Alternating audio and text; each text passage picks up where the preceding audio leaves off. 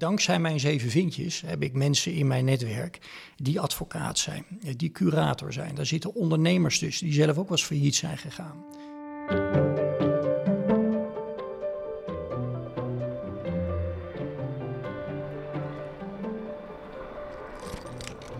Zo, ik ben er. Parkeert hem wel en daar komt net Laurens uh, ook de straat in rijden. Met op de achtergrond een helikopter. Er is blijkbaar ook nog wat aan de hand hier uh, in Hilversum. Dag Laurens. Oh, hij rijdt gewoon door. Niks raampje open, even begroeten of zo. Ik was aan de telefoon. Ja, oké, prima. Met, uh, met de Oostenrijkse omroep, de ORF. Want die uh, komen naar Nederland, want die willen een demonstratie over de boze boeren maken. En jij bent een uh, tussenpersoon. Die willen een reportage maken over de boze boeren. Ja. Even kijken, ik heb hier een appje van de gast van vandaag. Wie is het? Roderick van Grieken. Hier staat het. Roderick van Grieken. In mijn telefoon. Nummer 13 moeten we zijn. Oh, we staan echt pal voor zijn huis. Oh, hier, met die Volvo. Ja, precies. Veel Volvo's hier. Iedereen rijdt hier, iedereen rijdt hier Volvo in Hilversum. Ja, jij trouwens zou ik zelf hoor. Jij ja, ik heb ook een Volvo, zeker. Ik heb ook een Labrador. Maar wat mij hier ook opviel, jou ook misschien. Veel vrouwen met bodywarmers op de fiets en een tennisracket. Ja, het is een uh, goede buurt goede buurt. Gooi. Ik kan, me, ik kan me een, een, sketch herinneren van, uh, van. Uh, dat, ze dan twee, dat waren dan zijn hun uh, soort Jacobs en S figuurtjes, zeg maar gewoon een beetje de volks. Zeker, zeker. Er was er net een onderzoek uitgekomen dat de mensen in de rijke buurten langer leven dan in de arme buurten. En dan gingen zij altijd een wandeling maken op zondagmiddag door de rijke buurten. Op zoek naar de mensen die langer leefden. Nee, om zelf ook. Daardoor dus langer te gaan leven. Oh, ze dachten dus besmettelijk. Ja. Nou, ik weet wel. Dit is zo'n wijk waar die uh, sketch had kunnen worden opgenomen. We zijn ook in Hilversum natuurlijk. Ja, we zijn in het Gooi. En ik, ik ben hier opgegroeid ook in het Gooi. Ik heb in Bussum op school gezeten. In zo'n zo huis? Nee, nee, nee, nee, nee, nee, dat niet. Wij woonden in... Nou, dat is een huis, daar kan een normaal huis gewoon twee keer in. Het is een groot huis. Wij woonden in Muidenberg. Dat is allemaal wat bescheidener. Nou ja, ach. Maar ik weet ook uit die tijd, heel kort, want um, dat Van Koot en Bie, die woonden ook in Bussum. Van Koten en Wim de Bie, Kees van Koten, Wim de Bie. En daarom waren die sketches heel vaak ook hier in het Gooi. En ook wel eens in ons dorp. Ja, maar ze komen gewoon uit Den Haag.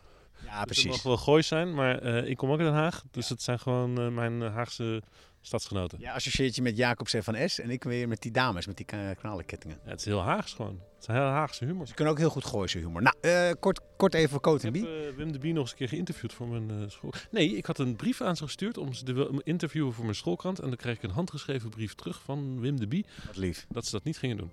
oh, oh, oh oké. Okay. Toch lief. nee, daar kunnen ze niet helemaal beginnen. Wel een handgeschreven brief terug. Maar waar zijn we? Bij Roderick van Grieken. Wie is dat precies? Oh, wacht, je moet even de auto op slot zetten. Zijn tas pakken. Sigaretje in de mondhoek. Dit is de binnenkamer. Ik ben Harmen van der Veen en samen met Laurens Boven ga ik op visite bij politici van toen en nu. Een bezoekje in het hoofd en hart van bevlogen bestuurders. hey, en aan het einde van deze aflevering, let even op, Laurens en ik hebben dan een nieuwtje voor je. Ja, Roderick van Grieken, dat is de directeur van het Nederlands Debatinstituut. En dat is een uh, trainingsbedrijf waar mensen, uh, ja, dat mensen lesgeeft in het spreken in het openbaar. Retorica, debattechnieken. Um, hij traint denk ik ook politici. En uh, nou, in die zin is hij in het Haagse wereldje natuurlijk best bekend. Hè? Hij geeft ook elk jaar bij de algemene beschouwingen een debatprijs uit. Dan uh, de, volgt hij de hele twee dagen lang dat debat en dan zegt hij wie heeft het het beste gedaan. Het is wel belangrijk in het bestuur, in de politiek, dat je goed, goed kan praten. Ja, exact. Ja, van het, de inhoud, het verhaal vertellen. Mensen, uh, nou ja, dat mag hij zelf allemaal uitleggen. Maar, Overtuigen, um, mooie speeches. Ja, en in die zin is hij dus wel bekend uh, onder politici en ook in de journalistiek wel. Hij komt ook graag uh, op de radio. En, dus hij, maar goed, hij is zelf politicus geworden nu.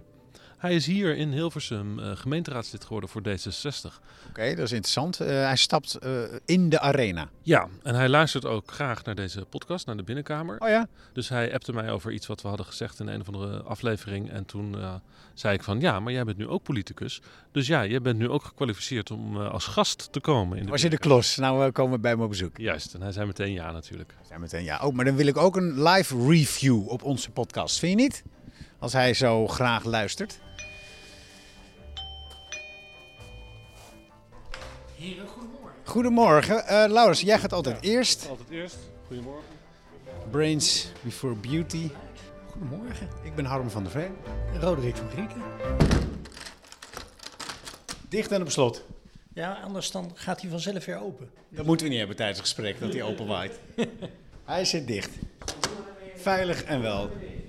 Wat een prachtig huis, dat wil ik eh, meteen even opmerken. En ik zie, het eerste wat ik zie is een geweldige tafel waar we kunnen zitten. Daar is ruimte genoeg, toch? Er is ruimte genoeg. Willen jullie koffie, thee, limonade? Ik lust wel een kopje koffie, beetje melk, beetje suiker. Koffie met een klein beetje melk. Koffie, klein beetje melk voor Laurens. En wat neem jij? Ik eh, neem ook nog een koffie. Lekker. Gaan we dat maken en dan eh, gaan wij vast opbouwen. Heel goed, doe dat.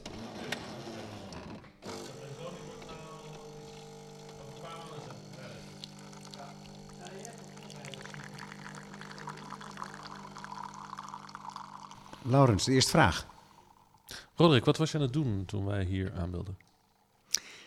Ik was met mijn eh, zoon aan het praten. Die was eh, eh, aan het ontbijten en ging daarna eh, naar zijn theorie-examen voor het rijbewijs. Ah, daar gaan. Dus we hebben nog eventjes samen overleg gehad. En hij is vol vertrouwen net die kant op gegaan. Dus hij is al weken, maanden bezig met boeken. Of hoe gaat het tegenwoordig? Dat is eigenlijk waarschijnlijk online. Ja, Cursussen hij heeft eh, en, en, een, een, eh, een boek bestudeerd, maar toen is hij daarna natuurlijk eh, een beetje gaan, gaan googlen. En toen bleek dat je ook online van alles kon vinden met allemaal proefexamens. Mhm. Dus toen is hij al vrij snel daar naartoe gegaan. En eh, nou ja, hij, eh, hij heeft allemaal proefexamens gedaan, die gingen goed. Dus we zijn Ja. benieuwd. Hoe, hoe gaat het eigenlijk? Want de, de, de- hij zal het grootste deel van zijn leven in elektrische auto's moeten rijden. Maar zie je nou al iets terug in die Ja, zit dat in die rijlessen dat, er, eh, dat het Hij, niet hij is meer... hij is nog niet begonnen met zijn praktijklessen. Dus ik, dat, dat weet ik eigenlijk niet. Of hij straks in een elektrische Nee, maar je auto- leert bij de theorie toch ook van hoe je de oliepeil moet Ja. controleren en dat soort dingen. En dat is natuurlijk allemaal niet meer relevant over een paar jaar. Ja, en hij heeft ons wel eindeloos gebombardeerd met examenvragen, maar daar zat er geen tussen Niks over de techniek. die over techniek ging. Over auto's gesproken. Je moet die betaald parkeren, hè? Ja, Ik heb hem net aangezet nu, toch maar. Oh, Ja.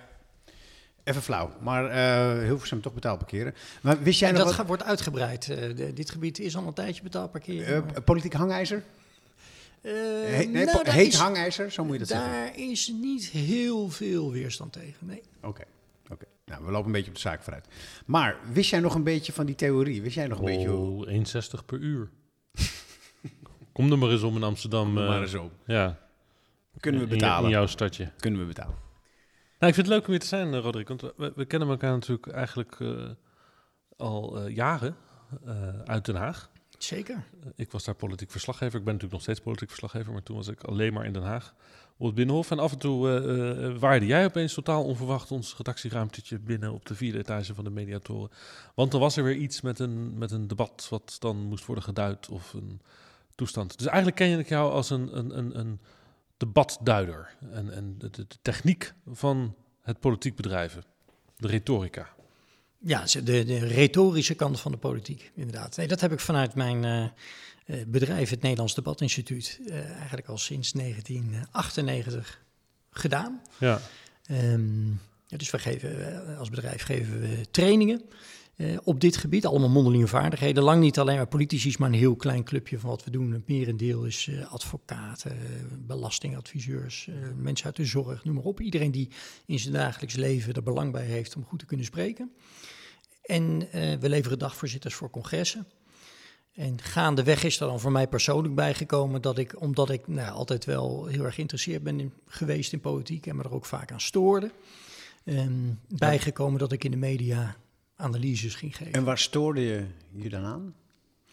Nou, er waren twee dingen. ehm, toen hebben we dus even over eh, eind vorige eeuw Ja. eh, en begin deze eeuw, waar ik mij aan stoorde. Het eerste eh, wat ik zag was de, eh, ja, de, zeg maar de verwoestende kracht van, in positieve dan wel negatieve zin, van een, een goede spreker in de politiek.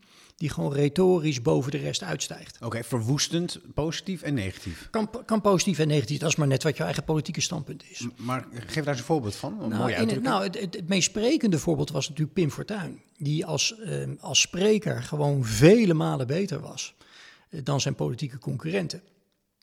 En eh, letterlijk in die, nou ja, in die aanloop naar de verkiezing van 2002...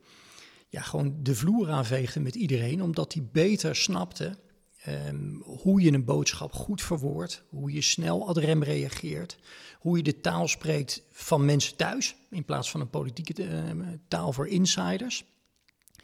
En ja, in de retorica, ja, dan gaan we direct de, de vaktechniek in, is het nu eenmaal zo dat wij ons dagelijks niet zozeer door argumenten laten overtuigen, maar veel meer door een gevoel.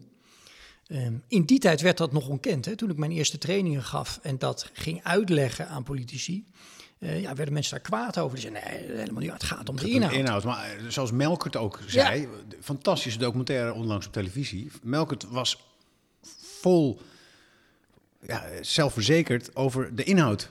En die had hij keurig op orde. Die had hij op orde, maar kon het, ja, kon het minder goed brengen. En natuurlijk gaat het om de inhoud, maar als jij de inhoud niet goed over de bühne kan krijgen, dan, dan brengt die inhoud je helemaal nergens.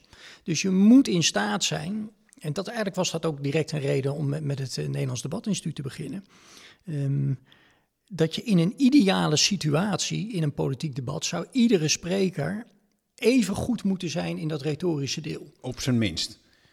Nou ja, het ideaal, zeg maar, de ideaalsituatie is dat wij alle drie even goed in staat zijn om die inhoud vorm te geven.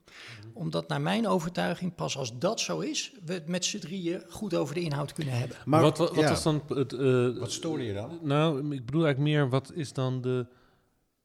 Uh, waarom hadden politici, de reguliere politici van dat moment er een hekel aan? Had dat iets te maken met dat, dat retorica, je zegt vorm en inhoud, hè, dat is de manier waarop je de inhoud verpakt, maar dat het eigenlijk tegenover elkaar werd gesteld, dat retorica dus eigenlijk het tegenovergestelde is van inhoud? Nou, nee, nee, ik denk dat uh, het basisprobleem was gewoon gebrek aan kennis hierover.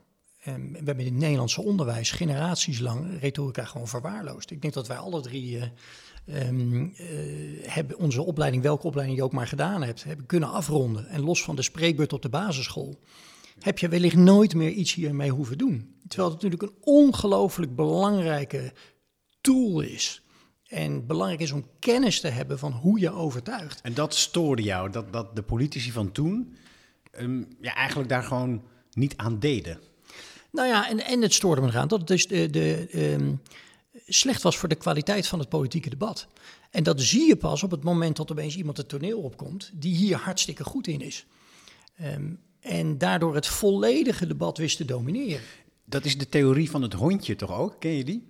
Ja, daar heb ik laatst over gehoord. Um, dat, dat, dat Fortuin was het hondje. Um, en die verbrak de magie van het toneelstuk. Ja, dat was het. Ja. ja als een hondje het podium oploopt, dan, eh, dan is opeens alle aandacht weg. En iedereen blijkt nep. Ja. Want het hondje is zo onbevangen. Ja. Zoals Fortuin binnenkwam wandelen, dat dus uh, Ad Melkert zag eruit als een acteur. Ja. Die, die nog, nog slecht acteerde ook. Terwijl hij zelf dacht dat hij een van de betere politici was. Wat hij in zijn tijd toen ook was. Zeker, was natuurlijk een heel kundig uh, en goed politicus. Alleen dit ging totaal mis. En nou ja, als je van uh, politiek debat houdt en, en gelooft in het belang van politiek, zoals ik, dan is het natuurlijk heel schadelijk als je ziet um, dat die politieke debatten um, niet goed gevoerd meer kunnen worden. Omdat er één gewoon, ja, je, je, je, je eigenlijk breng je een, een, een, een topvoetballer opeens op het veld van een amateurclub. En in, zeker in tijden van verkiezingen draait natuurlijk heel veel om die retorica. En dan verliest de amateurclub? En dan verliest. En dan wint de winnaar dus niet zozeer op inhoud, omdat de boodschap beter is, maar omdat hij de boodschap gewoon beter weet te verkopen. Maar dat, vind, je, dat, dat vind jij in wezen oneerlijk. Dat vind jij in wezen oneerlijk dus inderdaad. Uh, nee, ik vind dat niet oneerlijk, want het was Pim Fortuyn zijn goed recht om dat op die manier te doen. En dat maar iedereen. Uh, uh, maar het is, het is schadelijk voor het politieke debat als de een beter is dan de ander. Waarom? Omdat ik vind dat in een, in een politiek debat ieder standpunt even goed naar voren gebracht moet worden. Ieder standpunt waar mensen op gestemd hebben, verdient het om goed voor het voetlicht gebracht te worden. En als jij toevallig op een partij stemt waarvan de partijleider niet in staat is om die boodschap goed naar voren te brengen, eh, terwijl er anderen zijn die dat wel heel goed kunnen, ja, dan, dan verliest jouw standpunt aan soortelijk gewicht. Want dan krijg je het niet over de bühne goed genoeg. Maar niet iedereen kan Messi worden. Maar... Nee, maar je kunt wel allemaal een betere voetballer worden. en je kunt wel allemaal een betere spreker worden. En natuurlijk zal er altijd een, een, uh, een verschil blijven bestaan. Ja, met talent. Um, soms wordt retorica ook anders gewaardeerd. Hè? Dat is nu heel leuk als je in Groot-Brittannië kijkt. Las ik toevallig dit weekend een mooi stuk over. Die zeiden, ja, daar zie je iedere keer... Premiers wisselen elkaar af. Iedere keer, eerst heb je een premier die retorisch heel sterk is... Ja. Uh, en die wordt dan weer afgewisseld door een premier die daar wat minder goed in is. Dus je had even kijken hoor, we hadden John Mayer na, na Thatcher volgens mij. Ja. Nou, die was niet zo sterk. Dan komt Tony Blair, die was hartstikke sterk. Dan komt Gordon Brown. dat was helemaal niks. Nee. Dan komt Cameron, uh, die was wel weer heel erg Theresa sterk. May. Dan komt Theresa May, die is weer minder. En, en Johnson. Je, en Johnson heb je weer een briljant. Dus nu... nu krijgen we een saaie premier. Komt er weer, ja, daar hebben mensen behoefte aan. Dan. Maar oké, maar de, de, de, dat laat dus ook wel zien dat, er, dat retorica dus ook een, uh, een negatieve kant heeft. Dat het mensen dus ook afschrikt. En dat je dus ook het gevoel kan creëren van uh, uh, inhoudloos uh, bla bla. Ja, ik denk dat we de, de pendule nu heel erg de andere kant doorslaat. Ja. Dus daar waar we eerst te weinig goed politiek debat hadden bij, door gebrek aan retorische kennis en politici niet goed in staat waren om, nou, plat gezegd, de taal van het volk te spreken. Uh, als ik nu naar politieke debatten kijk in de Kamer, dan stoor ik me aan dat het eigenlijk alleen nog maar dat is. Dan is het echt een, een, een, een wie, wie het meest daadkrachtig. Dus je hebt ze twintig jaar lang getraind en nou staan ze. Dat is jouw product, uh, Roderick, wat je daar ziet in de Kamer. We danken de, de huidige Tweede Kamer aan jou. Uh, nou, dat, dat, ben ik het niet helemaal mee eens. Ik denk wel, ik denk dat wat nu vooral nodig is, is ook weer politici die dat. Um, die in staat zijn om inzichtelijk te maken. Eh, dat politiek wel wat meer is dan degene die het mooiste verhaal vertelt. Ja. En ik denk dat mensen er ook meer behoefte aan zullen gaan krijgen. Wie heb jij getraind de afgelopen uh, jaren uh, waarvan je, waar je trots op bent? Waarvan je ziet van nou daar heb ik nou echt progressie gezien bij die man of vrouw. Nou ja, als dat, als dat uh, bekende politici zijn, dan is het natuurlijk niet de bedoeling dat ik daar wat over vertel. Want die, oh. die over het algemeen, dat is ook heel gek in Nederland. Dat we daar, nou, dat is niet iets uh, wat mensen graag willen. Nee, dat daarover Spreek je dat af met ze ook? Van, uh, ik ga niet, ik ben heel vaak op de radio, maar ik, wees gerust, ik zal nooit vertellen dat ik. beste Mark, dat ik jou deze tips heb gegeven. Ja, maar ik ben er wel heel voorzichtig in. Dus ik heb wel altijd de regel gehad dat op het moment dat er. Ehm, zeg maar verkiezingen aankomen, omdat ik dan ook vaak dan in de media ben om analyses te geven, dan ja. stop ik een half jaar van tevoren met dat soort trainingen doen. Okay. Overigens, als het beeld ontstaat dat ik de hele dag politici aan het trainen ben, dat is niet zo. Hè. Nee, nee dat, maar, je dat is maar een heel een... klein stukje. Ja, maar het is natuurlijk wel. En we trainen wel heel veel bijvoorbeeld gemeenteraden met het debattenstuur met mijn collega's. Mm -hmm. Daar hebben we, ik denk wel 70 of 80 procent van alle gemeenteraden. Maar even los, los van, de, van de namen dan. Hè. Ik snap het best ja. wel hoor. Dat je daar dat dat gevoelig ligt om, om mm -hmm. dat. Uh, Um, allemaal uh, te moeten vertellen wie dat dan precies allemaal zijn geweest. Maar heb je het gevoel dat het uh, effect heeft gehad? Dat, het, dat, je, dat, dat jij bestaat de afgelopen twintig jaar? Zie je het uh, terug? Ja. En, en dat zit hem met name in um, de dingen die we met onze stichting hebben gedaan. Stichting Nederlands Debat stuurt in het onderwijs. Dus daar hebben we er echt uh, vanaf jaar één zijn we ermee begonnen om ervoor te zorgen dat debat een plek krijgt in het onderwijs. Dat is waar ook. Ik kwam jou tegen een paar ja. jaar geleden op mijn oude middelbare school in Den Haag, het Zegbroek College. Waar onze kinderen allebei meededen exact. aan het basisschooldebattoernooi. Ja. Vond het, ja. Ik vond het sowieso al grappig dat mijn, mijn zoon dus op mijn oude basisschool, ik woon helemaal niet meer in Den Haag, uh, dus, dus met zijn school was afgevaardigd ja. om daar te debatteren met zijn basisschool. En, en ik vond het helemaal grappig dat ik toen jou tegenkwam, dat jij ja. bleek het hebben georganiseerd. Ja. Wat goed, jij wil, jij wil echt. Uh, maar het was heel leuk. om beginnen bij de kinderen. Ja, het ja, is toen al 25 heel... jaar zijn we daarmee bezig om op scholen um, ervoor te zorgen dat bij het vak maatschappijleer of Nederlands of burgerschap, is maar net hoe je het insteekt, het debat als methode wordt ingezet om uh, kinderen en beter te leren spreken, maar ook kritisch te laten nadenken. Maar weet je, ik vind het, ik vind het heel uh, mooi. Ik heb, het, ik heb ze het zien doen, die kinderen. Het is allemaal heel. Uh, en de, de winnaars die waren ook echt goed ja. en zo. En mijn zoon kwam laatst thuis met een, met een verhaal. Dan had hij dus weer zo'n training, spreken, mm -hmm. debatteren gehad. we zitten inmiddels aan het eind van het VWO, maar dat gaat nog steeds door. En toen, toen moest hij in een of ander hij moest volgens mij Wilders spelen of zo. Ja, en dat was Hap de Moede Hoop. Nee, nee, mijn zoon heeft dat ook moeten ook, doen. Oh, so, ja. Iedereen moet Wilders spelen. Nou ja, het was in ieder geval, hij moest een of ander heel rechts ja. uh, okay. uh, standpunt uh, verdedigen. Ja. En, en ik zei van, nou, hoe ging het zo? Nou, hij heeft gewoon de meeste, hij zei tegen mij, ik heb gewoon de meest verschrikkelijke dingen gezegd en dat ging goed. ja, hij won niet, geloof ik, maar toch. Maar de, de, de, ik heb daar soms ook wat moeite mee, omdat je natuurlijk, het is ook voor een deel, reduceer je dan politiek tot spel. Het is ook iets, iets postmodern, dat, dat alles is gelijkwaardig en elke mening doet ertoe. Dat, Hij wil eh, reageren, ja. Dit, dit, dit raakt de, de kern van mijn bestaan. Dus hier vertel. ga ik. eh, da- dan moet de luisteraars ook snappen hoe zo'n, hoe zo'n debat werkt in het onderwijs. Dus je geeft allereerst bedenk je een stelling die actueel is of die interessant is. Ehm, en je zegt tegen leerlingen, je moet zowel de voorstanderskant als de tegenstanderskant in principe voorbereiden. Zo is het hoe het met een wedstrijd gaat. Dus je moet aan beide kanten de argumenten bedenken. En dan vlak voordat de wedstrijd begint, nou, dan wordt uit de hoge hoed getrokken van oké, nou Harmen is voor en Lauwers jij bent tegen. En dan ga je het wedstrijdje doen. Dus wat je gedaan hebt van tevoren, is dat je je eigenlijk heel serieus in het onderwerp hebt verdiept. En je hebt hè, dus zowel naar de argumenten voor als argumenten tegen gekeken. En dan tijdens die wedstrijd moet je opeens tegen gaan pleiten.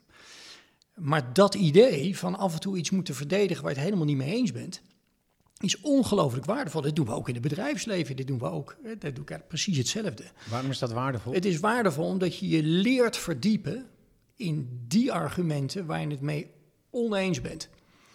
En dat is belangrijk, allereerst vind ik, om te snappen hoe de andere partij erover nadenkt. En ook oprechte interesse te tonen. In de ratio die daarachter kan, ook al beter mee oneens, maar voor de meeste standpunten kan je rationeel echt wel iets bedenken waarom je daarvoor kan zijn. En doordat je erin verdiept, kan je daar en wellicht ga je wat genuanceerder over het onderwerp nadenken. Of in ieder geval leer je ook hoe je die denktrand het beste kan ontbreken. Dus waar zit de zwakke plek? Waar klopt het niet? Dus waar, moet je op, eh, waar zou je op moeten gaan duwen? Dus verdiep je in de tegenstander, de vijand, de man Ja. of vrouw die je eigenlijk gevoelsmatig niet wil snappen. Ik wilde het wel even testen eigenlijk. Roderick, kan jij mij in, in, in, in 30 seconden een statement geven waarom het slecht is om eh, aandacht te geven aan, retoriek in de politiek? Retorica. Waarom het slecht is om aandacht te besteden aan eh, retorica eh, in de politiek. Ja, dan zou ik denk ik naar voren brengen. Luister niet naar de Roderick die je de afgelopen 15 minuten hebt geluisterd. Want het hele idee ehm, dat de vorm belangrijk is om de inhoud naar voren te brengen. Als we daaraan beginnen, dat is een glijdende schaal. Dat is het begin van het einde. Dan zie je direct het effect wat er nu na 20 jaar gebeurd is.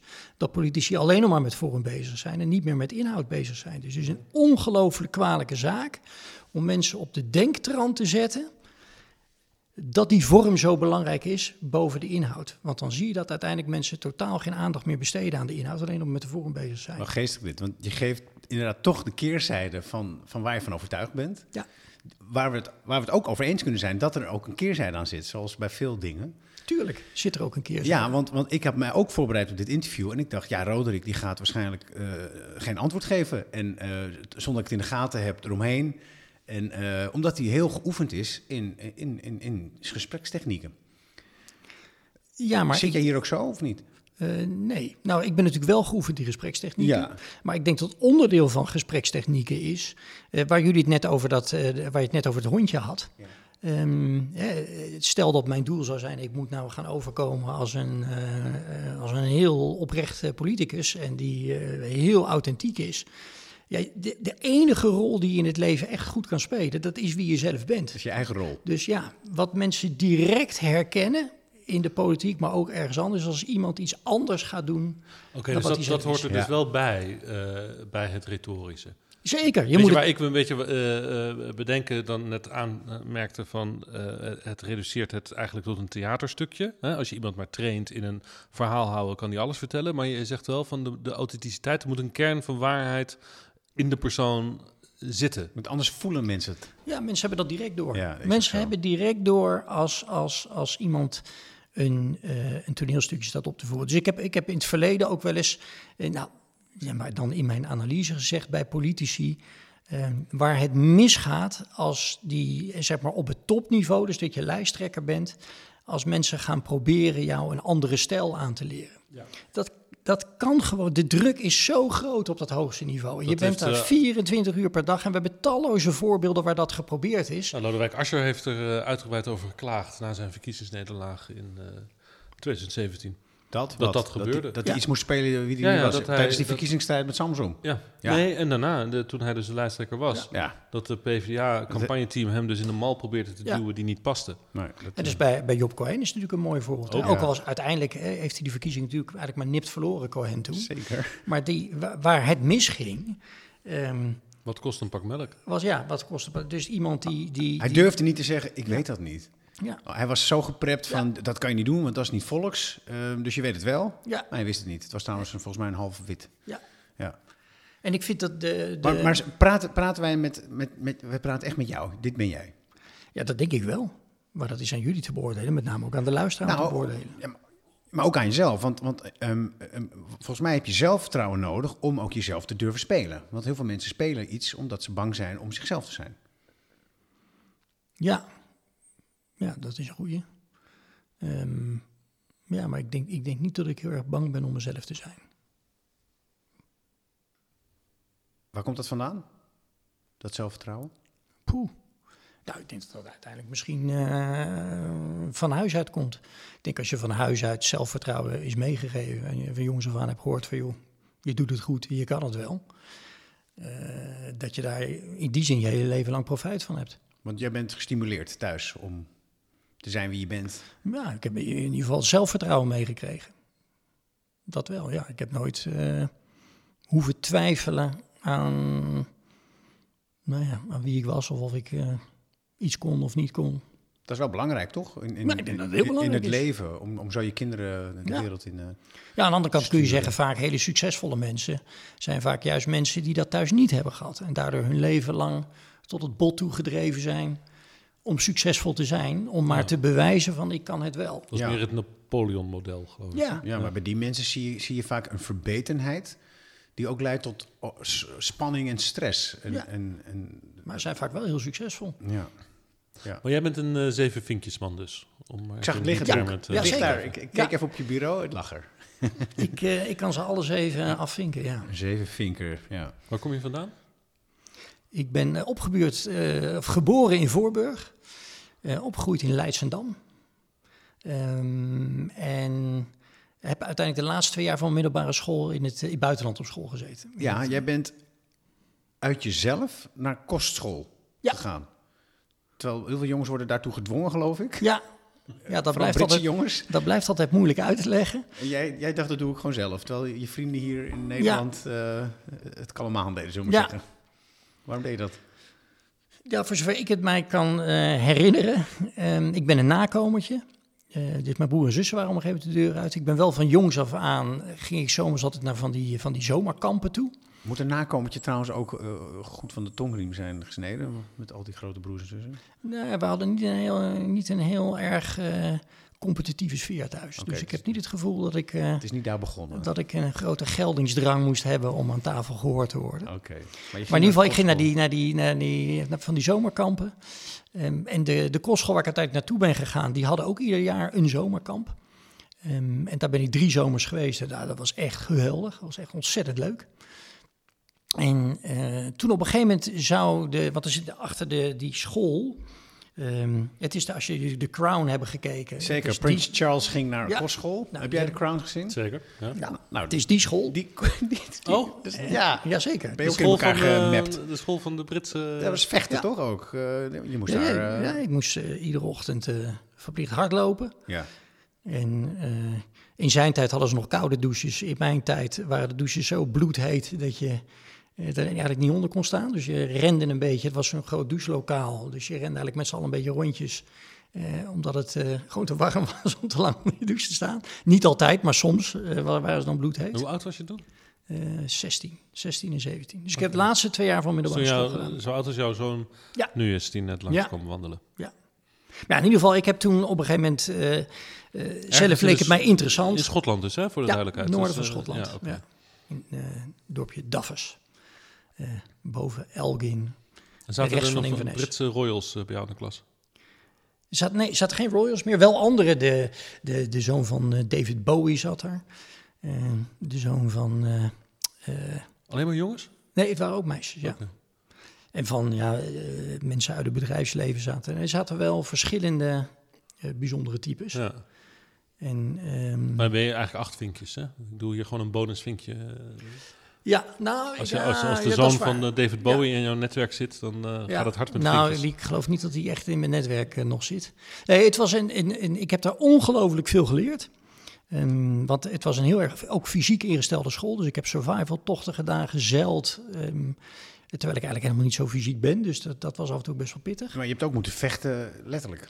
Jazeker, ja, ik ben wel meerdere keren ik, ben ik even in elkaar getimmerd. En ik, eh, eh, maar ik had het geluk dat ik voor hun begrippen heel goed kon hockeyen. Dus ik was in, in Nederland was ik denk ik een gemiddelde hockeyer. Maar voor hun begrippen was ik een hele goede hockeyer. En, en dan, dat zorgde voor een soort gedoogbeleid. Omdat als ik het veld op kwam, dan kon ik, eh, dan kon ik daar wat laten zien. Maar ik heb daar, wel, ik heb daar ook heel veel leuke dingen meegemaakt. Hoor. Bijvoorbeeld, eh, daar ben ik begonnen met debatteren. Ik Kijk. heb daar voor het eerst een wedstrijddebat gezien. In het Engels dan. dus. In het Engels. En daar Ja. toen ook in één keer aan meegedaan. Eh, en dat vond ik fantastisch. Ik heb in een opera meegezongen. Nou ja, survival tochten gedaan. En wat ik er het meest van geleerd heb, is om, om die twee jaar... ja, zowel letterlijk als figuurlijk een beetje in de hoek te zitten waar de klappen vallen. Waar je niet helemaal geaccepteerd bent zoals je bent. Mhm. En hoe dat voelt en hoe dat is. Heb je daar ook geleerd om te gaan met tegenslag? Eh, Klappen krijgen. Ja, misschien een beetje.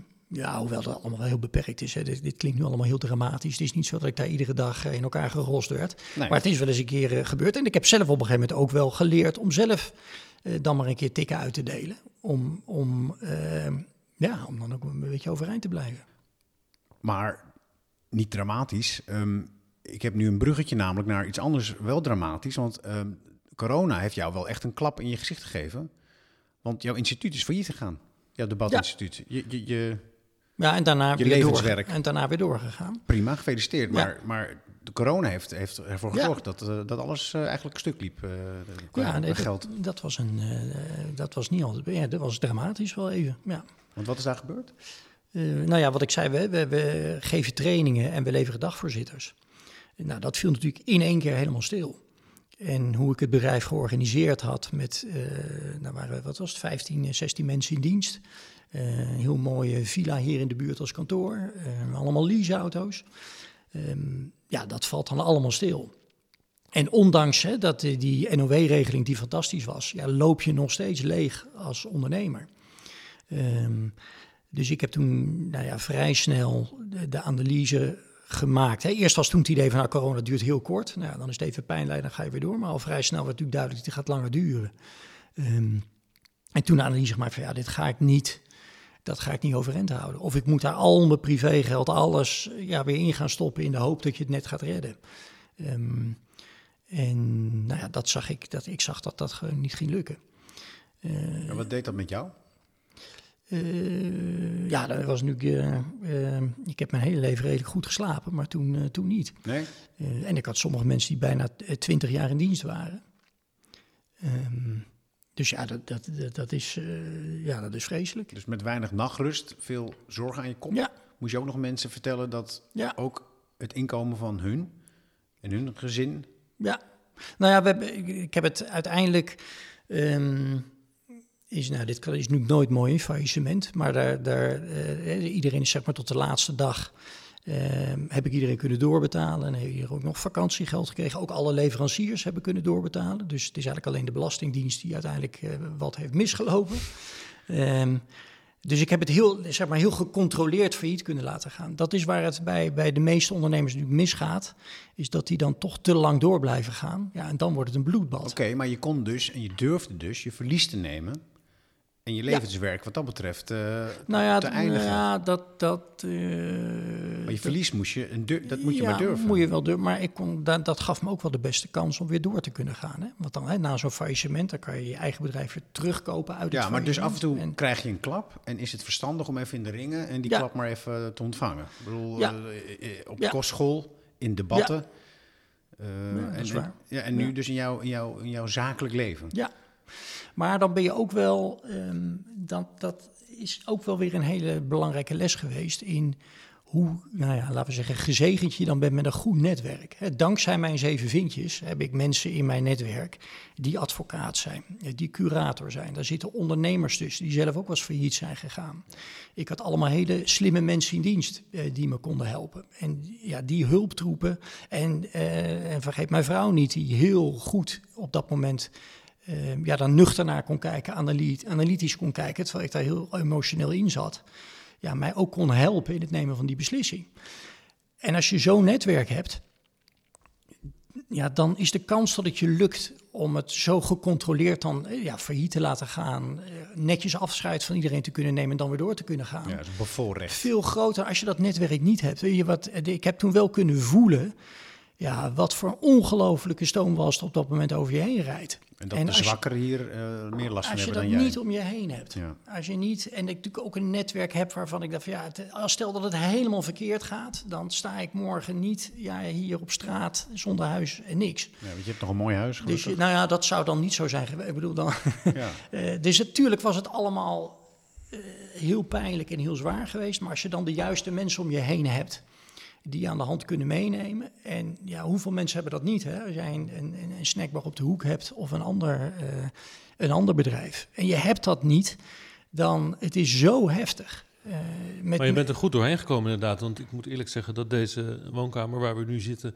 er niet uitziet als een woonkamer van iemand die anderhalf jaar geleden fiets is gegaan. Nee, nee maar dat, dat heeft er dus deels mee te maken dat ik het... Um, door adviezen van buitenaf ja, heel gecontroleerd en ja, maar heel verstandig heb kunnen doen. Met, met, met, met um, ja, door slimme mensen om je heen te hebben. En wel, dat, dat klinkt nu net alsof ik dan. Ik heb daar keurig alle regels bij gevolgd. En het is ook helemaal. Um, um, en alle medewerkers zijn ook weer goed. Maar voel jij je nu ook dan verantwoordelijk voor mensen die dat wat minder hebben? Want jij gaat dus nu als volksvertegenwoordiger ja. uh, door het leven. Mm -hmm. We gaan, straks gaan we daar ook wel... Even, voordat je daar komt, even benoemen dat het debatinstituut nog steeds bestaat. Ja, het, het is een doorstart als stichting. Nee, nee, nee, ook als bedrijf. Ook als bedrijf. Dus je had, okay, je, dus je schoon schip. Je hebt het bedrijf Nederlands Debatinstituut. De Stichting Nederlands Debatinstituut. Bij beide waren mensen in dienst. Ja. De stichting is gewoon doorgegaan. Ja. Dus hè, die doen al die onderwijsprojecten. Daar ben ik nog voorzitter van. Maar dat is echt een hele aparte organisatie. Uh, het bedrijf heeft een doorstart gemaakt, dus failliet gegaan. Daarna ben ik weer doorgegaan. Alleen is daar aan de achterkant van alles veranderd. Dus daar waar ik vroeger allemaal mensen in dienst had met een kantoorpand en alles wat daarbij hoort, ja.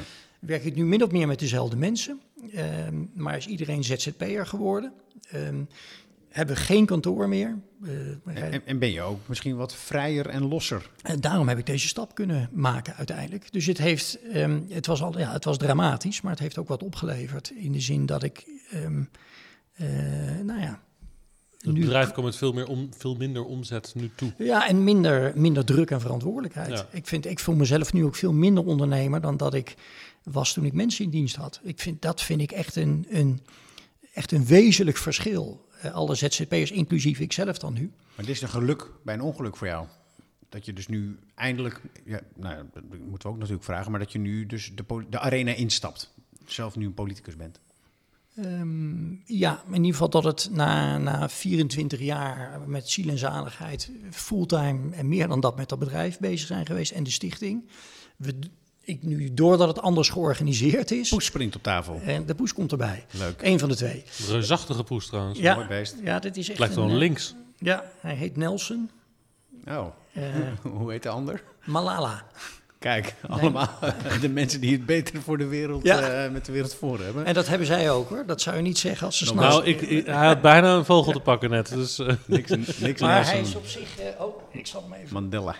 Heeft hij niet een knop aangeraakt nu? Want... Jawel, ze heeft, hij, hij zei... Dit is een hij. Ja. Hij heeft inderdaad een knop aangeraakt, maar alles loopt nog. Alles loopt nog. Um, waar waren we? Nou ja, dus de, het verschil tussen... Um, uh, niet mensen in dienst hebben en wel mensen in dienst zijn, dat, is, dat hebben is, is enorm. Hè. Ik heb eigenlijk nu pas achteraf gerealiseerd um, ja, hoe groot die druk dan is. En die verantwoordelijkheid die je op dat moment draagt. En met dat personeel gaat het allemaal nog steeds ook wel goed. Ja, ja want een, een deel van het nu als ZZP'er. Een deel van het team werkt nu um, als ZZP'er.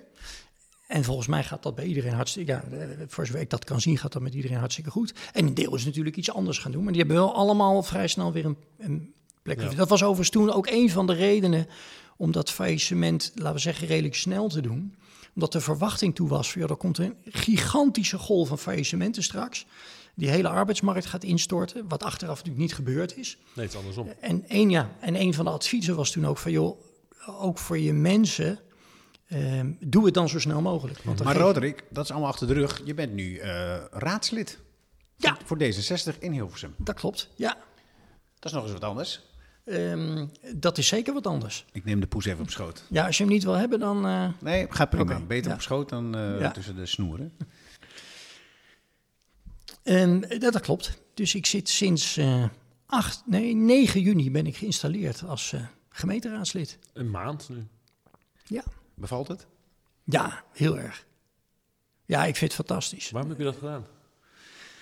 Ehm daar waren, eh, nou, de belangrijkste reden is gewoon omdat het me razend interessant en leuk leek om te doen. Dus ik ben eigenlijk van jongs af aan altijd heel erg geïnteresseerd geweest in politiek. Nou, zie je ook het werk wat ik met dat debatinstituut gedaan heb. Ehm, en het leek me gewoon interessant en leuk om eh, zelf een keer ook naar die arena in te stappen of echt onderdeel te zijn van, van dat systeem. Ehm, eh, ten tweede eh, vind ik nou, politiek ook belangrijk. Dus het, het, het, ja, we hebben mensen nodig die dat willen doen. Nou, ik vind dat toevallig heel leuk om te doen. En dan, dan, dan denk ik dat je dat ook moet doen op enig moment. Ehm, en het derde is dat ik me ook de afgelopen jaren dusdanig eh, ook gestoord heb aan de politiek. Dat is dan met name politiek in Den Haag. Dat ik dacht van nou, en de politiek ook zo ongelooflijk onder druk staat en in een negatief daglicht staat. Dat ik dacht van, nou ja, hoe, hoe klein het dan ook maar is als je in, eh in Hilversum als raadslid aan de slag gaat. Maar dan, ik wil er wel, ja, ik wil wel staan voor die politiek. En ik wil daar wel ook, eh, nou ja, juist nu ook actief in worden. Klein, ja. Maar hoor, hoor je, Laurens, hij- hij, hij is net als wij, want deze podcast heeft ook een bepaald doel en missie. En dat is wij, wij, wij vinden politici ook fascinerend. En wat ze doen en wat ze moeten laten. Maar ook willen wij het ook wel een beetje eren. Dat, het gewoon, dat ze de kans krijgen om te laten zien wie ze zijn en waarom ze het doen. Ja. Maar jij hebt het ook. Jij bent dat heeft geen cynicus. Jij vindt, jij vindt Nee, het, het ambacht. Ja. het ambacht ook Ja. echt de moeite waard om, nou, om niet cynisch over te doen. En nu dus zelf die stap te nemen. Ja, en ehm, dat is, het wordt, nu- ja, nu ga ik dan eigenlijk over mezelf praten, omdat ik dan zelf politicus ben gang, geworden. ga je gang. Je zit in de maar ik, binnenkamer. ook dan zal ik dat wel blijven doen, omdat het, het is een, het is een ongelooflijk ingewikkeld vak. Omdat, en daar kom ik nu zelf ook achter nu ik erin zit, want ik heb natuurlijk altijd vanaf de buitenkant ernaar gekeken. En ik denk dat ik het best wel redelijk snapte hoe het werkt. Maar totdat je daarin zit, dan veranderen er ook dingen. Dan leer je heel snel heel veel nieuwe dingen. Wat vind je ingewikkeld? Ehm, nou, al, bijvoorbeeld al de enorme papierstroom die op je afkomt. En daar keuzes in maken. Dus je realiseren, zeker als gemeenteraadslid, is natuurlijk iets wat je erbij doet. Dus je bent een, een lekenbestuur van de stad. Dus je, je, je moet selecteren en je moet focussen. Je moet ook, ook al redelijk snel zeggen, oké, dit laat ik of een fractiegenoot over als je een grote fractie hebt. Wij zijn gelukkig met z'n zevenen. Eh, of ik doe het gewoon niet. Want je kan niet, het is onmogelijk om alles te doen. En om die weg te vinden, om snel, nou, ik zit daar, ben daar nog middenin aan het spartelen, ehm, om daar een selectie in te maken van oké, voor welke onderwerpen kies ik dan en hoe ga ik me informeren? En hoe zorg ik dat ik niet te snel een standpunt inneem? Want het is, kijk, een standpunt innemen is niet zo ingewikkeld, dat is eigenlijk het makkelijkst. Dat weet jij natuurlijk. Dat, dat, eh, nou, dat- als het goed is, eh, kan ik dat ook wel. Maar daar is de verantwoordelijkheid te groot voor. Ik vind dat je het. En die druk voel ik met name. Van hé, hey, ja, dit, dit, dit vind ik. Maar nou klopt dat ook. Ja, en het heeft heel veel complicaties. Nee, het heeft heel veel consequenties, moet ik zeggen, voor de inwoners van Ja. jouw gemeente. Zeker. Terwijl de positie waar je vandaan kwam, namelijk op de tribune van de arena, Ja, ja, was redelijk gevaarloos. zeker. En nu ja. rust er toch wel iets op je Ja, schouders. En dat, dat verandert dus. Ja. Dat is een En, dat, en dat, ja, dat, voel, eh, dat voel je ook echt. Ja, daar ben ik overigens niet uniek in. Dat voelen alle 37 mensen, denk ik. In, een- dat weet ik wel zeker, in die raad. Ehm, want dat is, heb dat je- is een verantwoordelijkheid. Merk je ook dat de mensen in je omgeving eh, anders eh, met je omgaan nu? Nou, dat, dat je ik een denk... soort Ik, kant gewisseld hebt of een soort... soort ik hoor dat wel eens in Den Haag bij, bij nieuwe Kamerleden. Dat eigenlijk de, de, de, grootste verbijstering is bij die mensen dat hun vrienden opeens anders doen tegen ze. Want opeens ben je niet meer één van ons, maar één van hun. Ja, En valt bij mij nog mee. Ik heb een, een, een, mijn vriendengroep hier in Hilversum zijn we voor een goed deel mensen die politiek wel volgen, maar, maar niet zeg maar junkies zijn eh, zoals wij hier aan tafel. Zeker. ja. Dus die, die vindt het en wel heel leuk en goed dat ik het doe, volgens mij. Ehm, maar die maken er ook vooral eindeloos grappen over. Zoals welke grappen? Nou ja, natuurlijk het idee dat, dat ze, als ze iets nu tegenkomen, dat ik direct een appje krijg van dit moet je wel even oplossen. En, en vandaag. Ja. Maar wel met een knipoog. Zeker. En maar continu aan het testen zijn. En zeggen, en wat vindt D66 dan? En als je nou langer dan 10 seconden over je antwoord doet. Ja. Dat ja, die last draag je natuurlijk met me mee. Dat zeg je, oh, maar dat is die rood. Ja, die moet dat heel goed kunnen uitleggen. En dan Maar ook, maar, binnen, binnen vijf seconden er alweer doorheen tetteren. En Ja. zeker als er dan een paar wijn in zitten. Dan, maar dat is een hele goede oefening. en dan heb je ook nog een, een hele wandelgang door, door de partijen heen eh, achter je. Dat heb ik van je vrouw ook begrepen. CDA. Ja. Zeg maar ja of nee, lid van geweest? Ja, ik ben, ben, voor ik ben ooit volgens mij begonnen bij ehm, eh, de Partij van de Arbeid. Oh. Ben ik ooit kort eh, lid van Want geweest. die wilde ik nog noemen, maar ook nog. En ja. ik, nee, nee, daarvoor ben ik... Nou, ik was, volgens mij was ik geen lid van het CDA. Maar ik ben wel... Mijn, mijn eh, eerste claim to fame is dat ik op de voorpagina van de Telegraaf heb gestaan. ehm, in 1986. Met een CDA-button op mijn borst. Als jongetje van toen 15, eh, of 14. Toen was ik in Pulgri eh, op de verkiezingsavond toen eh, Lubbers de grootste verkiezingswinst ooit boekte. In Den Haag. Het staat ook op mijn website, kan je die foto zien. Dus ik, je, ziet, je ziet Lubbers, en Ja, ik heb hem gezien. Ria en nog een andere mevrouw waarvan ik even niet weet wie het is. En daar, en daar schuin achter zie je de jonge Roderick staan, die daar staat Met een CDA-button. met CDA-button. Maar, maar je bent dus ook naar de PvdA? Ja, VVD ook? nee, nee, nee, nee, nee. Zijn er nog meer partijen die ik mis? GroenLinks misschien? Ehm, nee, Oké, nee. dat valt mee. Drie partijen. Maar ergens in Ja, maar er zijn ook partijen waar ik... eh, ik heb bijvoorbeeld heel veel sympathie voor de ChristenUnie. Ehm, eh, voor iemand als Gert-Jan Segers vind ik een geweldig politicus. Die zat, eh, daar komen we net vandaan, zullen we maar zeggen. Oh, Ja, die zit ook in deze serie. Nou, ehm, dus ik, ik, ehm, ik, ik, sta natuurlijk wel duidelijk voor de meeste standpunten van D66. Ik heb niet voor niks die partij gekozen, maar ik kan ook heel erg eh, genieten en bewondering hebben voor politici van andere partijen. En af en toe ook ehm, me erg inleven in andere partijen. Dat is het voordeel van het, dat debatteren. Als je dat je leven lang doet, dat wedstrijd debatteren, Ja. ga je heel genuanceerd nadenken. Ja, je bent een soort van radicaal redelijk. Alle argumenten graag horen, voorstegens. Ja, ik denk dat er heel, ja, ik kan me heel, heel makkelijk ehm, Een soort orthodox. eh, verbeelden en inleven in waarom iemand anders iets vindt. Klopt het ook ehm, dat jij bijna van elke politicus een biografie hebt? Of als ze zelf iets schrijven, dat je het allemaal leest? Nou, nee, dat niet alles. Zei je vrouw. Ja, maar ik heb, ja, eh, Het schijnt hier een kamer te zijn, dat, alles staat er. Lubbers. Ja, er staan, er staan er wel veel, maar ik denk niet alles hoor. Ik denk als je bij, eh, nee, ik denk dat er zeker mensen zijn bij wie nog veel meer staat. Maar ik heb wel redelijk wat, eh, wat gelezen. Ik vind dat wel interessant ook om te lezen. Om ook echt te begrijpen waar zij vandaan komen, wat ja, de, achter, de achtergrond van politici. En de, dat verklaart er ook een beetje vaak hoe je zijn zoals ze zijn. We zijn wel echt drie gelijkgestemden wat dat betreft. Vind je ook niet, Laurens? Nou, ik heb ja. ehm, Met die interesse. De interesse wel, ja. Ehm, de- de- wat ik vaak een beetje lastig vind bij D66 is dat, zoals jij net noemde, dat, dat die radicale redelijkheid, eh, die paradoxaal genoeg voor een progressieve partij toch eigenlijk dan ook kan leiden tot een soort van conservatisme. Van het, eh, eh, het, het, het, het gaat allemaal wel. We, Ja, we doen het gewoon zoals het gaat, we luisteren naar iedereen en, Ja. en, maar we, dat- we zijn polderen een beetje verder.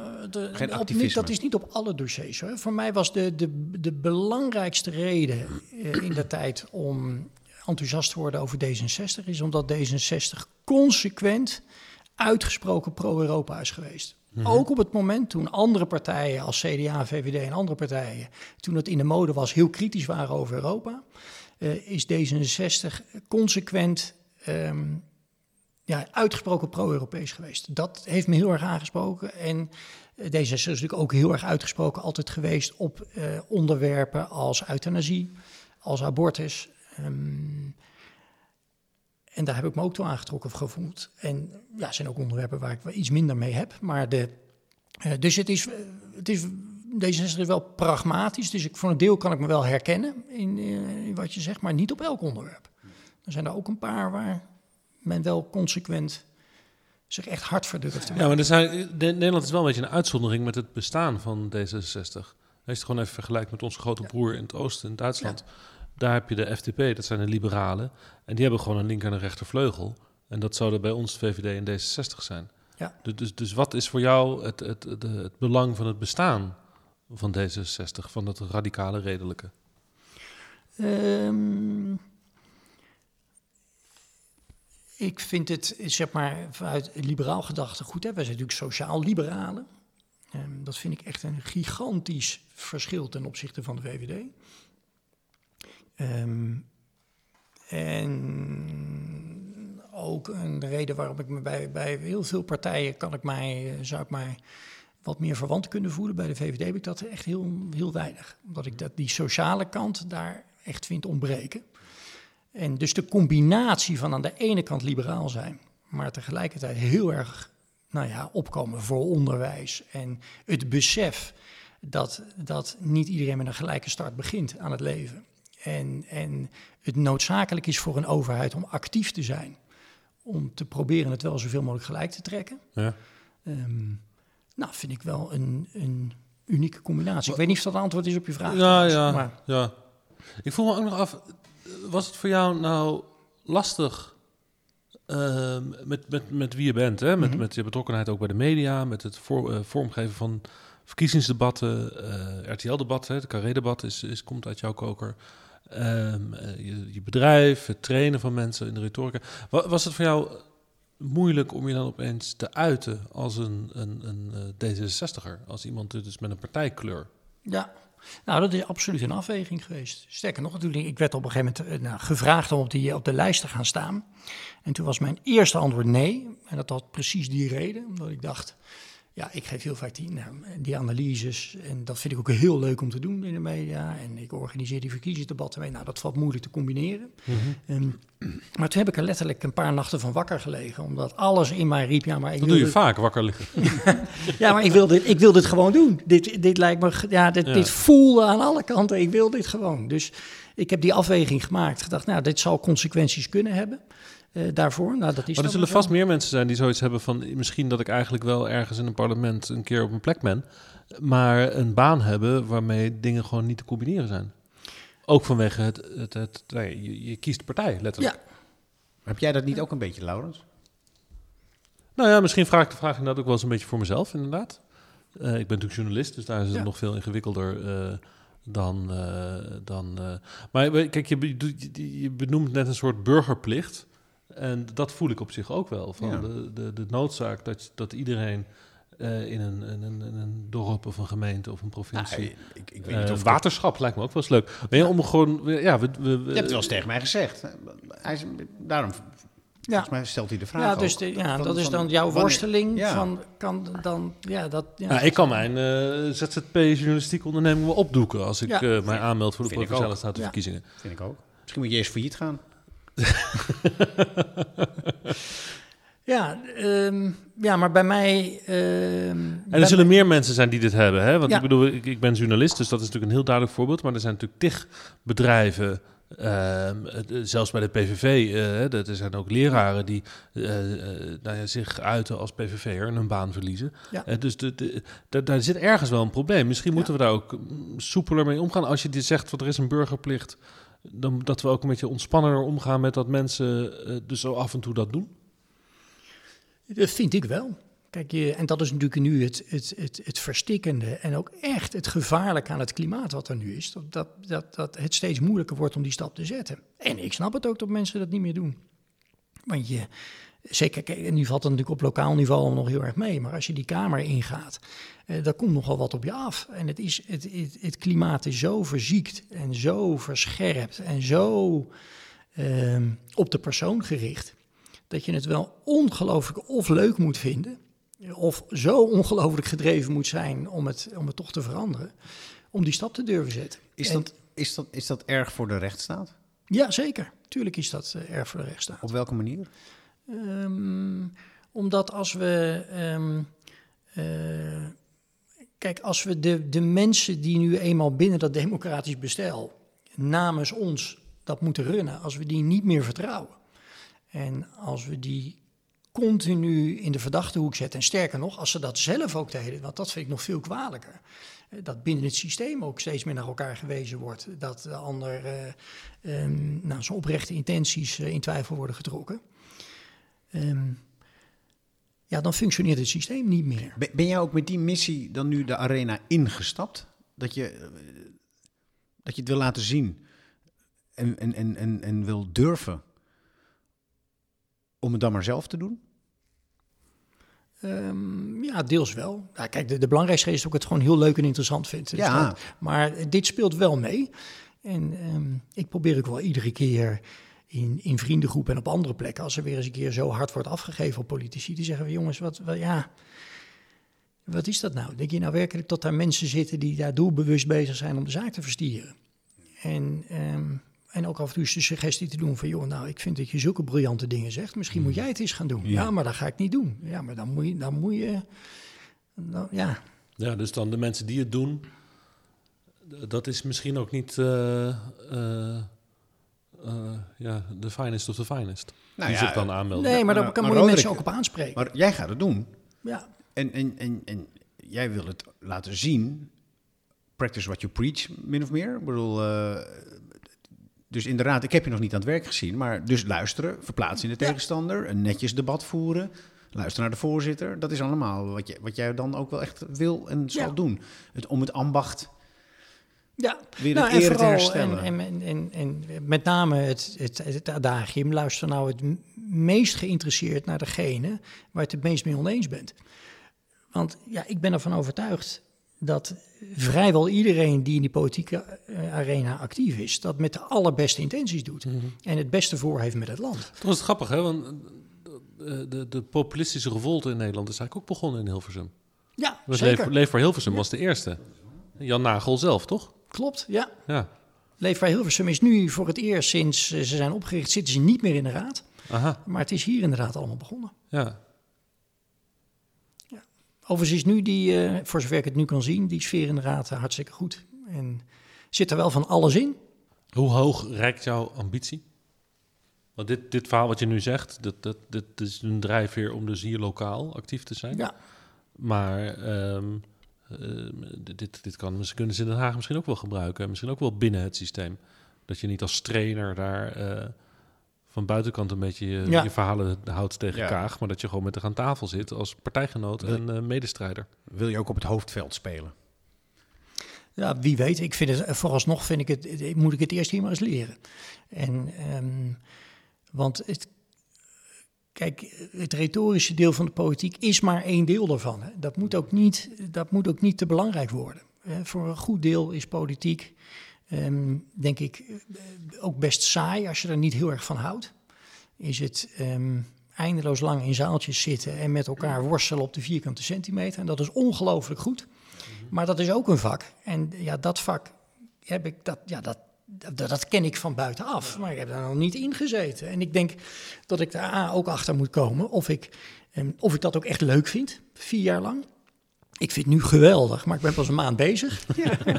Eh, en B, of ik, of ik daar ook goed genoeg in ben Ja. om daarmee... Ja, we zijn misschien iets te vroeg gekomen. Nou, we komen gewoon over een paar jaar nog een keer. Ja.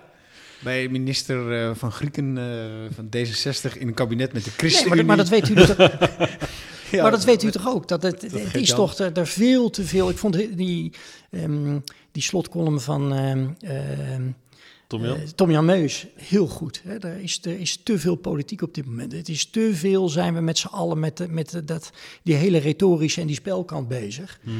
En dat, het moet gewoon weer even saai worden. Want politiek is voor een deel. Even en de mensen, je... Het is toch mooi dat hij dat zegt? ja, ik, ben er, maar ik ben er ook van overtuigd dat mensen thuis dat ook willen. Nou, ik ook, ja. Die willen niet Even op adem iedere komen. dag. En we zitten dat vuurtje, of we, ja, dat vuurtje wordt iedere dag intern opnieuw weer opgesteld. Ja, maar niet hier in de binnenkamer. Hier in de binnenkamer kan je op adem komen.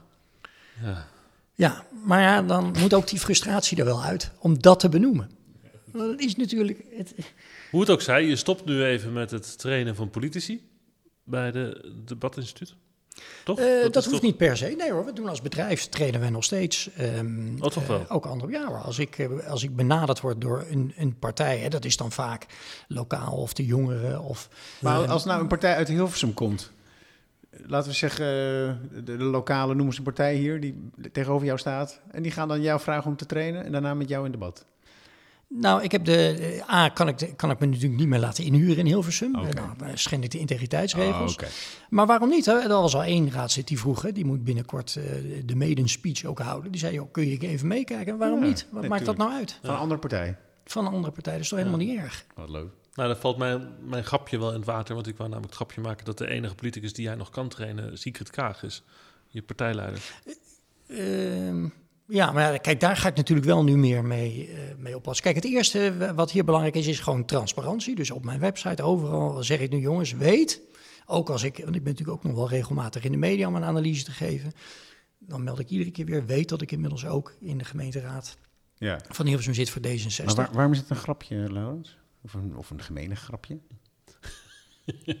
ja, waarom? Nou ja, omdat over Kaag natuurlijk wel gezegd wordt dat hij nog wel wat eh, ehm, hulp kan gebruiken bij het geven van eh, goede speeches die goed aankomen. Ja, maar in lijn met wat ik eerder al zei, ik, ik, eh, ook bij Kaag, en dat zou, zeg ik dus ook over andere eh, politici, probeer niet Kaag te veranderen tot iets anders.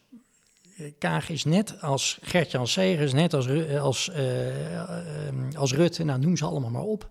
Die kunnen maar één rol doen en dat is gewoon jezelf zijn. En dan is het uiteindelijk aan de kiezer om te bepalen ehm, of dat wat is of niet. En de, ik- koning, de koning kan je niet spelen. ja, Boris van der Ham. Ja. D66. En een theaterman. Ja, Hij, had- is, ja. hij is ook overigens de, de man die mij heeft uitgelegd de wet van het hondje. ja die komt, dat staat in hetzelfde boek, inderdaad. Volgens mij, daar komt hij vandaan. De Daar koning kan je niet spelen. Ja. Dat boek ligt ook bij ons thuis. Maar je moet, en, je moet, kijk, als, als, als politicus ook een beetje geluk hebben op weg naar verkiezingen toe, dat het net jouw onderwerp is of net, maar je ga niet schaven aan wie iemand is. Ik denk dat eh, een Sigrid Kaag, en nogmaals, ja, nu, wordt het natuurlijk verdacht, want dan ben ik de D66 die dat zegt, maar je mag het maar ook over eh, Wopke Hoekstra vragen. Ehm, die moet gewoon voluit zichzelf zijn. En die moet gewoon laten zien waar, waar, waar zij goed in is, eh, wat zij wil uitstralen. En dan wordt er op gestemd of Ja. niet. Maar zodra, Ja, we- we ik denk alle, wij kunnen alle drie nog de Brinkman-shuffle ons herinneren. Zeker. Ehm, hè, dus dan, dat was toen Frits Wester die zei van, joh, je moet een beetje losser zijn. Nou, dan ging Brinkman ging bij een speech proberen losser te zijn. Ja. Iedereen zag het. We, we naderen het einde volgens mij van deze podcast, Harmen. Maar ehm, eh, de dingen die je nu aansnijdt, die schreeuwen bijna om een, het invoeren van een rubriek in de binnenkamer. Ja? nou ja, als je het hebt over het, het eh, beoordelen of het bekijken van of een politicus echt is wie die is. ehm die zien we met Kaag en Hoekstra. Volgens mij geldt voor hun allebei dat een deel van het probleem wat er nu is ontstaan rondom die persoon en een partij, vooral Hoekstra natuurlijk, ehm, bij het CDA, is dat hij is wie die is en daardoor de partij in de problemen heeft gebracht. Want ze hebben daar nu behoefte aan een CDA-leider die daar staat Maar wat, hoe zou de rubriek en, en contact zoekt met de boeren. En dat, dat is hij niet. Hij is niet die man, maar hij is wel de Ja. partijleider. Dus hij moet eigenlijk nu dus iemand spelen, namelijk iemand die contact maakt met boeren, Ja. terwijl die het niet is. Overigens woont Hoekstra ook in Hilversum, als ik me niet vergis. Nee, Of hier in de buurt ergens. Bussum. Maar Bussum, wel- ja. oké. Maar, Maar- dus, maar wat, wat, is dan, wat, wat moet Hoekstra dan doen? Nou, eh, zichzelf blijven. Je moet ook een beetje, een beetje geluk Maar dan gaat hebben. zijn partij eronder, want de boeren die zijn Ja, in nou, opstand. dan, dan moeten ze een ander kiezen. Maar dat is dus Maar je- heftig, want dat is de druk waaraan aan zo'n politicus onderhevig is. Ja. Want je kan wel lekker jezelf zijn, maar dan zegt soms de partij, ja, ga nou maar weg. En volgens mij, voor zo'n Remkes, die is nu eindelijk zichzelf, maar dat komt ook omdat hij klaar is en niks meer te verliezen heeft. Ja. Dat zie je vaak bij mensen die ooit heel veel macht hadden. Als het, als het kwijt zijn, dan zijn ze pas weer zichzelf. Maar hoe zou je de rubriek dan willen hebben? Eh, hoe zullen we die noemen? Want ik, ik, de, de podcast heeft een rubriek nodig, dat klopt. Ja, Ja. en dat moet dan gaan over... Hoe, Wie speel je of wie ben je? Wie, Ja. wie speel je, wie ben je? Ja, zo, ja. dit, dit thema. Nou ja, Ben je echt? dat is een Ja, beetje maar de dat kern is, van de ja, podcast al. Maar dat is heel ingewikkeld omdat in een, in een ja, dan ga je, dat, ga je dat aan mij vragen. Van, ben je nou echt of speel je dat? Ja, wat moet ik daar dan mee? Nee, maar Ben Laurens, je wacht echt even. of speel je dat? Ja, oké, maar Laurens, het concept van de podcast is een uur lang bij iemand thuis. Dan kom je er wel achter of die echt is en zichzelf is of niet. Ja. Want zoals jij al een keer zei, niemand kan een uur lang een masker voor zijn eh, snoet houden. Nou, dat weet ik niet. die- nou ja, misschien ook denk wel. Een beetje, een beetje getraind iemand die denkt dat hij dat prima kan. Waarbij ik niet zeg dat ik dat nu gedaan heb. Maar Nee. Maar, dan, maar- maar dat is wel een van de missies van deze podcast. ja, Ik wil inderdaad ook afronden, maar jij bent een van de luisteraars van deze podcast. Je Zeker. Er, je hebt er al een paar, of zo, Ja. zo niet alle? ik, heb, of- eh, de, eh, ik denk dat ik de meeste beluisterd heb, maar ik ben wel bij. Jullie hebben nu een, een serie in Brussel gedaan. Die heb ik niet allemaal meer geluisterd. Ik heb eh Sophie In het Veld natuurlijk geluisterd. En daarvoor hadden jullie, ik ben zijn naam vergeten, iemand van SGP. Die heb ik ook grotendeels eh, geluisterd. Ruizen. Ja, Peter Ruizen. Ja. Ja. en verder ben ik nog niet gekomen. Oh, we hebben nog Mohamed Gaim. Partij van de Arbeid. Partij van de Arbeid hebben we nog. En Caroline Nachtegaal. van de VVD. Ja. Wat vind je van, eh, mogen wij een live review van de podcast? Want jij stuurt me altijd, je stuurt me, dan heb je weer iets wat geluisterd en dan krijg ik een, krijg ik een kritisch sms'je van je. Van, eh, Heel goed. nou, eh, dat, dat was een, goed of dat was niet goed. Of daar, ging het, eh, daar raakten jullie niet het format wat jullie eigenlijk voor ogen hebben. Ehm, ik vind de kracht van de podcast als het gaat echt over de mens achter, achter die politicus. Eh, af en toe bij sommige gesprekken gaat het toch al iets meer echt naar het werk van die politicus en de, en de, zeg maar de dossiers waar hij of zij dan op zit. En wordt het toch, maar jullie zijn natuurlijk ook politieke dieren, dus dan is de neiging, vind ik, af en toe om die kant op te gaan. Eh, en ik denk dat zo die Europese serie, ik denk dat dat heel erg interessant is en ongelooflijk belangrijk. Nou, ik zei eerder al dat ik pro-Europa ben om Europese politici te interviewen. Ehm, maar nu hadden er een paar achter elkaar en dat wordt als luisteraar best ingewikkeld. Want dan zit je een paar keer achter elkaar toch over Europa te praten. En ik zou de afwisseling meer hebben Nou, gezocht. morgen gaan we weer naar Brussel. Ja. Morgen spreken we met Malik Asmani. Dus, die- Oké. ja, dus de afwisseling. hè? Oké. Ja, maar dat kan als je meer dus d- dan gaat graven, achter, dus het minder over Europa hebt, maar achter de mensen, achter die politicus. Ehm, ik denk dat dat, ehm, nou, dat vind ik interessant. En hoe zou deze aflevering door jou eh, nu eh, bekeken worden? Hebben wij de mens, eh, de mens achter de politicus vandaag gezien? Nou, volgens mij is wel redelijk aan bod gekomen wat mijn, mijn achtergrond is en wat mijn drijfveer is om dit te gaan doen. Ja, vind ik ook. Ja, dus ik denk, ja, dat moeten luisteraars maar beoordelen. Zo is dat. Nou, dat ben je zelf toch ook wel? Ga je terugluisteren? Of vind je dat moeilijk? Dat, ik vind dat wel moeilijk, maar ik, eh, ik doe dat wel, ja. Goed zo. Omdat je er ook altijd weer van kan leren ehm, voor in de toekomst. Nou, veel luisterplezier. Dankjewel. Jullie ook dank. Graag gedaan. En nog een kopje koffie wellicht. Zeker. Ja. En ik wil je boekenkast nog zien, want ik hoorde van jouw vrouw dat, daar, nou ja, dat al die mooie boeken daarin staan. Oké, Dat doen we hierna. Ehm, en als dat mag van de kat. als dat mag, van die Nelson. Die bij jou op schoot in slaap gevallen is. De kat in slaap vallen. Ja. Echt heel diep. Doet, hij- doet dit niet vaker? Ja, ze, ze zijn allebei redelijk eh. Maar heel makkelijk.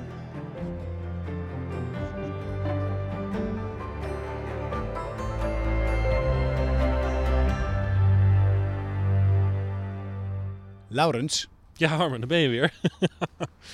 niet waar zijn we en wie ontmoeten we, maar wat gaan we doen? Nog één keer. We gaan naar Podimo. We hebben het al twee keer eerder verteld. De vaste luisteraars weten het. Ehm, wil je ons blijven volgen? En dat wil je natuurlijk, want we hebben echt een fantastisch leuk tweede seizoen eh, klaarstaan. Ehm, dan eh, ja, download even de app van eh, Podimo. Neem een abonnement op Podimo. Of klik ook even zeker op de show notes. Ja, die, die staan in de show notes. Goed kijken. Ja, en dan heb je een link. En dan de vaste luisteraars die krijgen een aanbieding voor een eh, bepaalde periode. Ehm, gratis abonnement. En daarna eh, ja, zijn wij bij Podimo. Zo is dat.